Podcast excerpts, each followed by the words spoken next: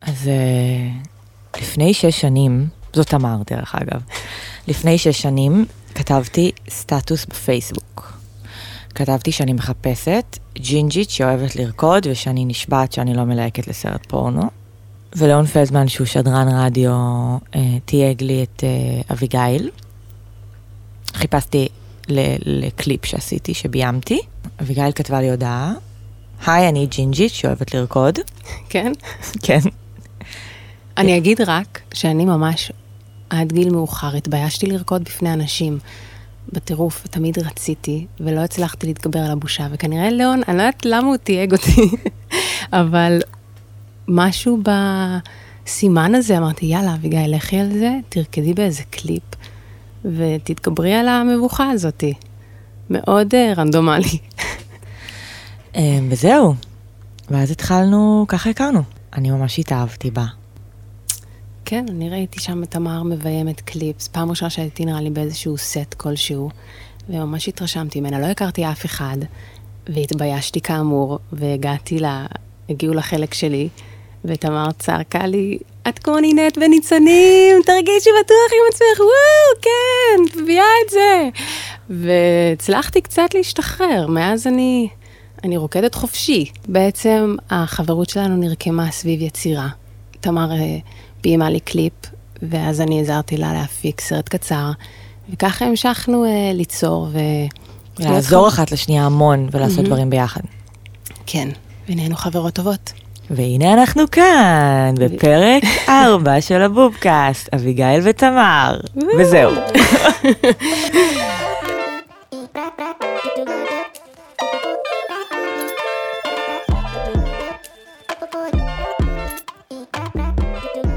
אז שלום וברוכים הבאים לבובקאסט, בעוד פרק שאנחנו לא נארח אישה מעוררת השראה, אנחנו נהיה שתינו, למרות שאת מעוררת בי המון השראה, אביגיל. כנ"ל, תמר. כל אחת תספר רגע על עצמה, בקצרה, ונגיד מה, למה אנחנו פה. אה, אז אני תמר, ואני במאית ותסריטאית. אני מתעסקת בזה כבר כמה וכמה שנים. למדתי קולנוע במנשר, שזה אחלה מקום ללמוד בו קולנוע. אה, ובלימודים ביימתי וכתבתי שלושה סרטים קצרים. הגעתי ללימודים אחרי שעשיתי שנתיים שירות לאומי. אני יצאתי מהצבא בנסיבות לא ממש קלות, אה, והחלטתי שאני עדיין רוצה לעשות משהו. והלכתי לעשות שירות לאומי בהוסטל לנוער בסיכון, שזה עד היום השנתיים אולי הכי משמעותיות, בלי לזלזל במה שקרה אחר כך, שנתיים סופר משמעותיות בחיי. מה היה כל כך משמעותי? לא היה לי מושג מה זה נוער בסיכון, לא היה לי מושג מה זה לגדול לו בבית, לא ידעתי מה זה הוסטלים, פנימיות. ונכנסתי שנתיים ארטקור גם למקום שהוא לא טיפולי, כי זה לא להיות איש טיפול, אבל זה שנתיים להדריך, והתאהבתי לחלוטין, הרגשתי ממש בבית. זה היה לי גם תקופה לא כך טובה.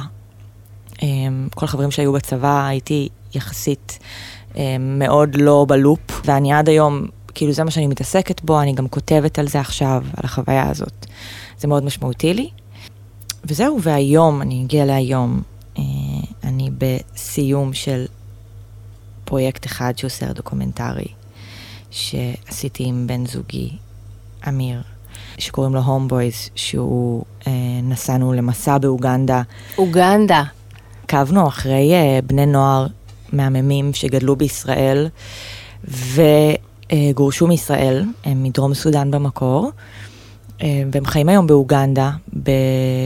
תחת אה, תמיכה של עמותה מדהימה וישראלית, ועקבנו אחרי שניים מהם שהם אה, מוזיקאים, ראפרים וזמרים, והם עבדו עם אמיר על מוזיקה מקורית שלהם, ואנחנו עכשיו עורכים אותו. אנחנו בשלבים יחסית מתקדמים ומאוד מלחיצים. אני כותבת... למה מלחיצים? היה לנו את התאריך שאפשר לנסוע לאוגנדה, זה היה עוד איזה שלושה חודשים, נסענו, צילמנו, אללה בבאללה, והיום אנחנו בעצם מתמודדים עם כל החומרים האלה, כי אנחנו בונים סיפור מאפס, והאתגר שלנו בעצם לקחת את השבועיים האלה שקרה בהם המון, אבל עדיין להבין היום אה, למה זה מעניין אנשים אחרים ומה חשוב. אז זה אתגרים שלרגעים אני ממש כזה מרגישה שאין לנו כלום, ולרגעים אני מרגישה שיש לנו הכל, וכנראה זה איפשהו באמצע. כרגיל. כן. אז חוץ מזה בעצם את גם... אני כותבת. כותבת סרט עלילתי. הפיצ'ר, אה, כן, את הפיצ'ר הראשון שלי, וגם קיבלתי תמיכה לכת, לכתיבה. אז עכשיו אני בעצם מתמודדת כשהיא אומרת תמיכה זה בעצם כסף מקרן. נכון, מקרן. קרן הקולנוע הישראלי המהממת. אני מרגישה לפעמים כמו לינה דונם בגרס בפרק שהיא מקבלת מקדמה, אבל היא כל היום במיטה, והיא מתקשרת לאבא שלה לשאול אותו אם הוא יכול להחזיר להם את הכסף, כי היא לא כתבה. אז הוא אומר לה, did you spend the check? אז היא אומרת, I don't know if I spend that check, I'll check. תמרי היא הבחורה, נראה לי, אני מוסר עבודה הכי גבוה שאני מכירה. כאילו, גם ב, בימים של קורונה, היא מסדרת לעצמה מסגרת יום של כתיבה ועבודה, זה מטורף. אני בחרתי פרטנרית, בחרתי לפודקאסט, שאני פשוט, אני אצטרך, אה, אני כל כך מחויבת, כי אני לא יכולה, אני לא יכולה להישען אחורה במסגרת עבודה שלנו, כן, אני צריכה to perform, כי כאילו, יש פה סטנדרט אה, גבוה של אה, רמת ביצוע וטקטוק, כן. לא היה לי מושג שזה מה שאת חושבת, זה כן, מזל שיש פודקאסט. זה מה שקורה, כן. אוקיי, אז enough about me, כמו שאת אוהבת. אביגיל, כשמדברים בטלפון ומרגישה שהיא דיברה יותר מדי זמן על עצמה, היא עושה enough about me, let's talk about you for a minute. אז בבקשה. אני מוזיקאית, זמרת יוצרת, כמו שאומרים, אה, וגם שחקנית. אני אספר שבמקור אני מירושלים, וגדלתי להורים אה, דתיים שעלו מניו יורק. ו... אה, נראה לי כל הזמן חלמתי להיות זמרת, וזה לא באמת חשבתי שזה חלום לגיטימי או אפשרי בכלל. למה? אה, כי אף, לא יודעת, אף אחד לא, זה לא, זה משהו שמדברים עליו כל החיים כמשהו ממש לא אמיתי. כאילו, נראה לי באופן כללי מדברים על ככה, בטח בחברה הדתית. זה לא משהו שחשבתי שיכול לקרות. עד היום אני אוכלת סרטים על הלגיטימיות של אה, לעשות אומנות. אז בין היתר, חוץ מללמוד ברימון, למדתי רפואה הודית, שזה היורבדה, למי שמכיר. אה, וגם למדתי, עשיתי תואר באומנות והוראה. השנה הראשונה בתואר, זו הייתה השנה שהקלטתי את האלבום הראשון שלי והקמתי להקה בעצם. וזה מדהים, כי בשנה הראשונה למדתי חמישה ימים בשבוע מלאים, מלצרתי בערבים, והקלטתי אלבום. מה שתמיד מזכיר לי שזה לא עניין של, של כמה זמן פנוי יש, זה כמה, כמה, כמה חשק יש. איכשהו אפשר לעשות את זה. לא יודעת, לפעמים כשאני אומרת, אין לי זמן, אין לי זמן, אני נזכרת בשנה הזאת, ואני אומרת, זה, זה, לא, זה לא קשור לזמן. את יכולה לעשות את זה. רשמית אין לי תואר, כי לא, לא עשיתי סמינריון, כי באותה שנה האחרונה הייתה איזה מלהקת ש... ראתה בי פוטנציאל ושאלה אם אני רוצה לעשות אודישן לסדרה.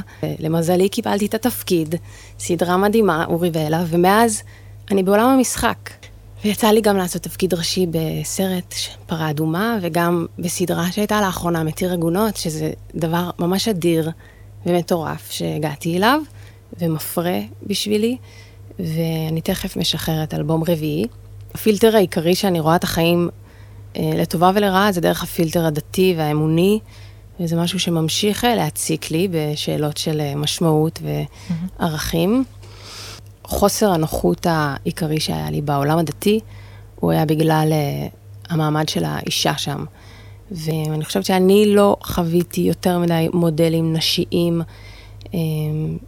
שייצגו חופש, חופש ביטוי, חופש פעולה. חופש אומנותי. Mm-hmm. זה גם חלק מהדרייב שלי, אם אנחנו כבר, בואו נדבר למה פודקאסט. כשאמרתי לאבא שלי שאני עושה פודקאסט, אז הוא אמר לי, מתוקה, את לא חושבת שאת קצת מתפזרת? משפט ששמעתי הרבה בחיים. נכון, ואני גם חושבת שיכול שקצת כן, אבל למה לא? למה לא להתפזר? למה לא להתפזר? שאפשר לעשות את זה כל כך בקלות, ולהרים משהו כזה. אמ, אוקיי, אוקיי, okay, אז אנחנו כאן בפינת ההמלצות שלנו. המלצות. אה, נדבר קצת על אה, יצירות שעוררו בנו השראה בתקופה האחרונה. כן. רוצה להתחיל, אביגיל? אני אתחיל... אני אתחיל עם אה, המלצת זום. וואו. זה קצת אה, מצחיק, קורונה, אבל לא סתם לפני כמה ימים ראיתי כיתת אמן של דניאלה ספקטור, ש-88 עשו, תומר מולביטזון ראיין אותה. מעבר לזה שאני מתה על דניאלה ועל המוזיקה שלה, והיא מוכשרת וכולי, הרגשתי שכאילו דניאלה אה, היא מין מיצג ל... לשנייה הוויה מאוד טבעית, שואלים אותה שאלה, והיא באמת חושבת על התשובה ועונה בצורה הכי אמיתית שיש, גם על איך זה להיות יוצרת אה, עם שני ילדים, ו, ואיך התקופה הזאת, ופשוט הרגשתי שזה היה בלי שום קשר ללהיות יוצר, ובתחום הזה, זה היה כיף לראות נוכחות כזאת טבעית, של משהו ספציפי שהיא פשוט אמרה ש... נראה לי התייחסה לזה שיש לה פחות זמן כאימא לכתוב, אבל שהיא סוף סוף מתיישבת לכתוב, היא מיד אומרת לעצמה, אני נותנת לעצמי רשות. פשוט לכתוב בלי המחשבה של אם השיר הזה יהיה טוב, או שהוא יהיה לרדיו, או שהוא יהיה לזה, או שאני צריכה בכלל לכתוב שיר, פשוט שנייה לשבת ולתת לעצמי רשות, לחרטט את השכל, לבלבל בשכל, לסתם. ו... וכבר אתמול, שישבתי לכתוב בעצמי, חשבתי עליה, כן. שמה את חושבת, נתעכב על זה רגע, mm-hmm. מה זה בעצם, מה ההבדל בין לתת לעצמך רשות, לב... כאילו מה, מה זה משנה ב... בתודעה? אני, אני עכשיו באמת משתתפת בסדנת כתיבת פרוזה, שזה משהו חדש בשבילי. וואו. אף פעם לא כתבתי סיפורים. מי מעביר את הסדנה? אשכול נבו ואורית גידלי. וואו. כן, זה המלצה אחרי המלצה אחרי המלצה. המלצות, המלצות. כן. אבל uh, אני מרגישה כזה נטע זר בדבר הזה. אני הלכתי ללמוד את זה כי, כי בא לי עכשיו שנייה לשכלל כתיבה מזווית אחרת, ואני חווה מחדש את כל ה... אני יושבת לכתוב, אני כזה, מי, מה בכלל, את לא יודעת לכתוב, מה, מה נראה לך, תהיי סופרת, או... לא, כאילו מיליון מיליון מחשבות. וזה סתם, זה סתם uh, מונע מעצמי לכתוב, זה סתם תוקע. זה מעכב. אני שנייה, אוקיי, שימי את כל זה בצד, שנייה תכתבי, תאפשרי לעצמך, תני לעצמך רשות, בוא נראה מה יצא, ותמיד הרי חוזרים אחורה ואומרים, אה, איזה מזל שכתבתי את זה, אני יכולה לדלות משם דברים, או שהדבר עצמו הוא טוב, או לא משנה מה, פרקתי רגש כלשהו, הכל, הכל טוב. מסכימה, והלוואי ונהיה במנטרה הזאתי, כולנו עכשיו, לא משנה במה אנחנו מתעסקים. נכון. של כשאנחנו עושים, לתת לעצמנו רשות ולא לבקר את עצמנו. מה ההמלצה שלך? אז דיברנו על ריס, שאנחנו מאוד אוהבות את ריס, נכון? אנחנו גם אוהבות את ריס, כי פשוט נראה לי שהיא הייתה יכולה להיות אחלה חברה. חושבת שזה עיקר העניין עם הבחורה הזאת, שכל פעם שאני שומעת אותה, מעבר לזה שאני מתה על התוכן שלה, כל פעם שאני שומעת אותה מדברת, אני פשוט בא לי להכין לעצמי קפה ולשבת איתה. אני רק אגיד, כי אולי לא, לא, אני רק גיליתי את זה לאחרונה עליה. כן, אז נספר. מכירים אותה לרוב, ריס רדרספון. כשחקנית הוליוודית. אז אה, ריס אה, קיבלה הרבה תפקידים אה, בתחילת שנות האלפיים. קיבלה המון תפקידים, הייתה כוכבת, ליגלי בלונד, מי שזוכרת, סרט מדהים. אה, אבל היא הרגישה שהיא ממשיכה לקבל את אותם תפקידים אה, של הבחורה שליד הגבר והבלונדינית המתוקה, אה, ונמאס לה. והיא קיבלה על זה המון המון הערות. ו- וזה סיפור הרבה יותר ארוך מזה, והיא גם מדברת על זה, ואני ממש ממליצה ללכת לראות ראיונות שלה, כי זה מעניין בטירוף, וזה מכניס ערימות של drive, ערימות של drive.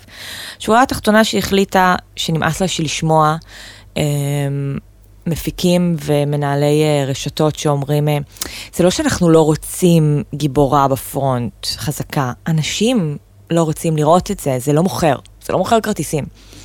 והיא החליטה שנמאס לה ושזה לא נכון פשוט, ושאין מצב, והיא הקימה חברת הפקות ונכשלה, והקימה עוד חברת הפקות, ואחת מההצלחות הראשונות שלה זה ויילד, יש לה היום חברה שקוראים לה Hello Sunshine. דרך אגב, הסטים uh, של חברת הפקות Hello Sunshine הם מגוונים גם ברמת הצבע, גיל, מגדר. זה ערך עליון שם. בקיצור, אז The Morning Show, שזאת סדרה שיצאה לפני איזה תשעה חודשים, הבאתי סצנה ממנה, שאני mm-hmm. רוצה להשמיע חלק ממנה. Um, אני חושבת שזאת סדרה, עליי מאוד מאוד השפיעה.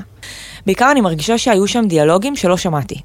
אה, ואחד מהם הוא דיאלוג בין אה, ג'ניפר אניסטון לבת שלה, שהיא משחקת את אלכס ליבי, שהיא אה, מגישת תוכנית בוקר כבר 20 שנה, אישה קרייריסטית בטירוף.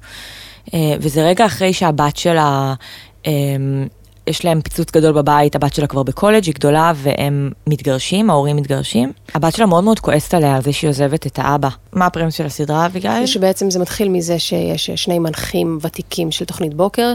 הם, גבר ואישה, והגבר מואשם בהטרדות מיניות. וככה מתחילה הסדרה. אז אה, הסצנה, אה, אלכס ובתה. בדורמס, בקולג', היא באה לבקר אותה עם פיצה. זה חשוב. You're my baby. Let's just not do this right now. You need to leave. I can't even believe what you're doing now. What? What am I doing? I'm not going to take care of you right now. Okay. Okay, then I will leave. Great. Go share it with America. They'll take care of you. Oh, fuck you, kid! Oh. Fuck you! Did you really just say that? Yeah, I did. I just said fuck you. And I mean, how fucking dare you? After all that I have done and all that I have given to you, my life, my love, my body. I broke my fucking vagina with a big fucking head of yours. And I had to be surgically sewn back together. I bet you didn't know that, did you? Oh, and been just staying with your father. After all these years of him driving me insane with his condescending my loves. He talked to me like I was a fucking five year old, and I am sick of it. I am sick of it. I, I, I want happiness. I earned happiness. I'm a human being, Lizzie. And you know what else? Don't you dare bitch at me about my career. Little Miss, I'm so progressive. Yes, I worked my ass off to get where I am. And I wanted it. I wanted to be something. I wanted to mean something in this world. I didn't know that was a fucking crime. Life isn't perfect, okay, baby? We don't get everything we want. You're young, you know? Go make the life that you want. You see how fucking easy it is. And stop bitching and complaining and blaming me. And you get your own fucking pizza. This is my pizza. I'm taking my pizza. I earned this shit. Fuck you, Oh, Mom. fuck you, kid. יואו, בא לראות את הסדרה שוב פעם מההתחלה. זהו, אז הסצנה הזאת היא כאילו, סתם, צריכה להגיד, אני, אני פשוט חושבת שזה דיאלוג שבחיים לא שמעתי. מעולם לא שמעתי אותו, הוא מילא אותי. חוץ מבבית, סתם. בדיוק. זה כאילו, לא, זה מצחיק, כי כן, כי זה ממש שיחה שיכולה להיות ביני לבין אמא שלי. אני מתה על זה כמה זה מדויק, איך המצבי רוח והטון של השיחה משתנים בשברירי שנייה, זה כל כך, אה, אני מזדהה עם זה לחלוטין. בכי צחוק, צעקות, זה קלאסי, אה, אני אמא שלי ואחותי, וגם, ואת גם אה, שותפה. אוקיי, המלצה הבאה. המצע הבאה, פינג של המלצות. רגע, אני אראה אנחנו את עוברות הספר. בין מלא מדיומים, עכשיו יש ספר. אני גם רוצה אותו אחר כך. לא קראתי אותו עדיין. אני מתקשה להלוות את הספר הזה, כי זה ספר שאני חוזרת. אליו כל כך הרבה. אנחנו במעבר חד אל השואה. תמר הפאן ואני הכבדה. אבל, אבל, אבל, אבל, זה לא נכון. אמ, אוקיי, אני מקריאה קטע מהספר שקראתי בסבב הראשון של הקורונה. אמ, אמ, הוא נקרא השמיים שבתוכי, זה יומן שכתבה אתי הילסום בשנתיים האחרונות לחייה, כשהיא הייתה בשואה, היא נספתה באושוויץ. אמ, היא הייתה יהודייה הולנדית, אני חושבת שהיא הייתה בת 27 בערך כשהיא כתבה את הדבר הזה. אמ, אישה מיוחדת במינה, אני חושבת שהיא הייתה סטודנטית לפסיכולוגיה, עסקה בספרות, אמ, וזה לא יומן שואה רגיל בכלל. אמ, חלק גדול ממנו בכלל בהתחלה, בכלל לא מתעסק בזה. אמ, ופשוט יש שם משהו נורא מיוחד במחשבות, בהגיגים הפילוסופיים שלה, בשחרור, שהיא היא ממש מרגישה בת זמננו, אמ, אתי. והיא גם, יש שם דברים נורא אינטימיים על חיי מין ועל המחזור ועל מערכות יחסים, ובכלל ההשקפות שלה ודברים שהיא קוראת, ו- והחיים שם באמסטרדם. ככל שהספר מתקדם, וככה המצב בהולנד נהיה נורא, והיא מגיעה לגטאות ואחר כך למחנות השמדה, מה שמדהים זה שיש איזושהי התעוררות רגשית ואינטלקטואלית ואמונית באתי, ואיכשהו היא מצליחה לראות את הטוב בעולם, את היופי. היא בוחרת להישאר שם למרות שהיה לה הזדמנות שיבריחו אותה משם והיא תינצל, אבל היא הרגישה שממש יש לה את היכולות הנפשיות והמנטליות להיות שם בשביל האנשים במחנות. אמ, וואו. והיא איכשהו היה לה פשוט חוסן נפשי מטורף. וזהו, אז עכשיו אני אקריא קטע שכאילו נאמר כמובן במסגרת של, של היהודים בגטו ו, וזה, אבל אני מרגישה שזה זה קטע שהוא כל כך רלוונטי לרגעים הכי קטנים, קטנים, קטנים ביום, שהם מאוד לא, אה, לא רק דרמטיים כמו השואה. איזה כיף. אמ, ננתק את השואה רגע ונקשיב. כן. מה, אוקיי. להשפלה דרושים תמיד שני אנשים, המשפיל והמושפל, כלומר, מי שמניח שישפילו אותו. אם האחרון, כלומר הצד הפסיבי, מחוסן נגד השפלות, הרי הן מתמוססות ונעלמות באוויר. לא נותר מהם אלא כמה גזרות מטרידות שמשפיעות על חיי היומיום, אבל אין בהם שום דבר משפיל או מדכא. הבוקר רכבתי על האופניים ונהניתי מהשמיים הרחבים המשתרעים לפניי בשולי העיר, ונשמתי את האוויר הצח שאין עליו הגבלות. ובכל מקום תלויים שלטים האוסרים על יהודים לפנות בדרכים המובילות אל חיק הטבע. אבל השמיים משתרעים גם מעל לפיסת הדרך המותרת לנו. איש אינו יכול לפגוע בנו, באמת שלא. אפשר להקשות עלינו, אפשר לגזול מאיתנו רכוש, להגביל את חופש התנועה הפיזי שלנו, אבל הפגיעה האמיתית בכוחנו באה מעצמנו, מעצם המנטליות שלנו. מתוך זה שאנחנו מרגישים את עצמנו רדופים, מושפלים ומדוכאים. בגלל השנאה שלנו, הפה הגדול שלנו, שמאחוריו מסתתר, מסתתר הפחד. מותר לנו בהחלט להיות לפעמים עצובים ומדוכאים על כל מה שנעשה לנו, זה אנושי ומובן. אבל עם זאת, החבלה הגדולה ביותר נגרמת לנו בידי עצמנו. החיים יפים בעיניי ואני מרגישה את עצמי חופשייה. השמיים שבתוכי גדולים ורחבי ידיים כמו השמיים שמעליי. אני מאמינה באלוהים, ואני מאמינה בבני האדם, ואני מעיזה לומר את הדברים האלה בלי בושה מזויפת. החיים קשים, אבל זה לא נורא. צריך להתחיל בכך שנתייחס אל עצמנו ברצינות, השאר כבר יבוא מאליו. או, יש לי צמרמורת. איזה יופי. אז במיוחד גם המשפט האחרון, שצריך להתחיל להתייחס ברצינות. אל עצמנו ברצינות, והשאר יבוא מאליו. מה, מה זה בשבילך המשפט הזה? כמו שיש, אמ, נראה לי, דברי חז"ל, שאדם צריך ללכת, אה, אה, שידיים שלו בשני כיסים, כיס אחד אה, עם הפסוק שהוא בא מעפר ולעפר הוא ישוב, כלומר, אני כלום ואני אני, אני גרגיר החול ואני לא משנה, ובכיס אחר, אה, בשבילי נברא העולם. כלומר, אני, אני, אני שווה את כל זה, אני, אני, אני חסד, אני נס. אה, ואני חושבת שכשהיא אומרת לקחת את עצמנו ברצינות, אז זה, זה החלק השני של להתייחס אלינו בכבוד, וככה לא, לא, לא לחשוב שמישהו אחר יכול לדכא אותנו, להשפיל אותנו, מישהו אחר יכול להגדיר לעצמנו את מי שאנחנו. אמ, וזה יפה, אני מאוד מתחברת, אני מרגישה שאני בקלות יכולה אמ, פחות להעריך את עצמי, ו... ולחפש אישורים מהבחוץ, אבל משהו ב... בדברים האלה של אתי, הם ממש הם משרישים את האמונה הפנימית, וגם מה שמיוחד בספר הזה זה שהיא היא לא מתייחסת לאלוהים, לקדוש ברוך הוא, לאלוהים של היהודים, היא, זה איזושהי אמונה כזאת, היא, אמ, היא כאילו מפתחת את זה לאט לאט, ככל שהזמן מתקדם, שהיא מפנה מקום לשיחה הזאת שיש לה בינה לבין הדבר הזה, ש, שנותן לה פשוט ביטחון ומקור להישענות. אמ, והיא מבינה שהיא צריכה לטפח את השיחה הפנימית הזאת בינה לבין עצמה, וזה מה ששומר עליה. נראה לי שגם המילים נורא נורא יפות שהקראת, כי, כי אנחנו שומעים את השכנוע, נכון? נכון. יש בזה משהו נורא... שזה נראה לי כזה עוד, עוד, עוד המלצה שנגזרת מזה, זה, זה זה שהיא כתבה, קודם כל איזה מדהים שהיא כתבה יומן, ואנחנו עכשיו, 2020, מחזיקים מטורף. משהו שאישה בשנות ה-40 כתבה.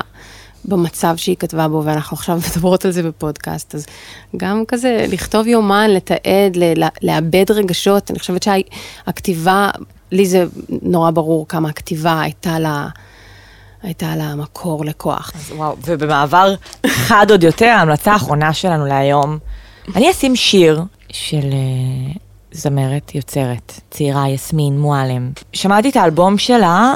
אה, אריה. אריה. נכון? כן. אלבום מעולה. אלבום מהמם, אה, אבל הייתי בהופעה של יסמין בלוונטין לפני הקורונה. הרגשתי מאוד רע לצאת מהבית, הייתי תקועה בכתיבה, והרגשתי שלא מגיע לי לבלות עכשיו. נורא רציתי ללכת להופעה. אמרתי, די, צאי מהבית, לכי להופעה. אם יוצאים, מגיעים למקומות מופלאים. המשפט שתמיד גורם לי להפסיק לעבוד. והיא התחילה את ההופעה עם השיר אה, שאני רוצה לשים חלק ממנו, מעבר לזה שזה פתר לי אה, משהו שהייתי, פתאום היה לי איזו הבנה על, ה, על הגיבורה שלי, דרך המילים. על הגיבורה שלך בסרט. בסרט. כן, שאני כותבת. אה, וגם פשוט התחלתי לבכות. אה, המילים מאוד מאוד מאוד נגעו לי, אבל גם... את יכולה אבל אולי לתת קצת על ה... מה זה פתר לך? איזה סצנה סתם? זה מסקרן אותי, כאילו, איזה כן, רגע... אז um, התעסקתי uh, הרבה בלנסות להבין מה הבעיה העיקרית של הגיבורה שלי, מה, מה הכאב הגדול שלה, מהמם. ובעזרת השיר הזה הבנתי uh, שאין לה בית. למרות שיש לה בית, אבל אין לה בית. מהמם. אני הצלחתי להתחבר אליו מאוד, והוא גם שיר יחסית קטן באלבום, um, שאת כולו היא כתבה והלחינה, uh, והייתה מאוד מעורבת בהפקה. לא טיפוס של הרים, לא לילות עם זרים, הכי טובה בבקרים. כמה לי לאט, אישה בואה בגלים, מציירת תמונה. אני כותבת מילים, ניסים ונפלאות.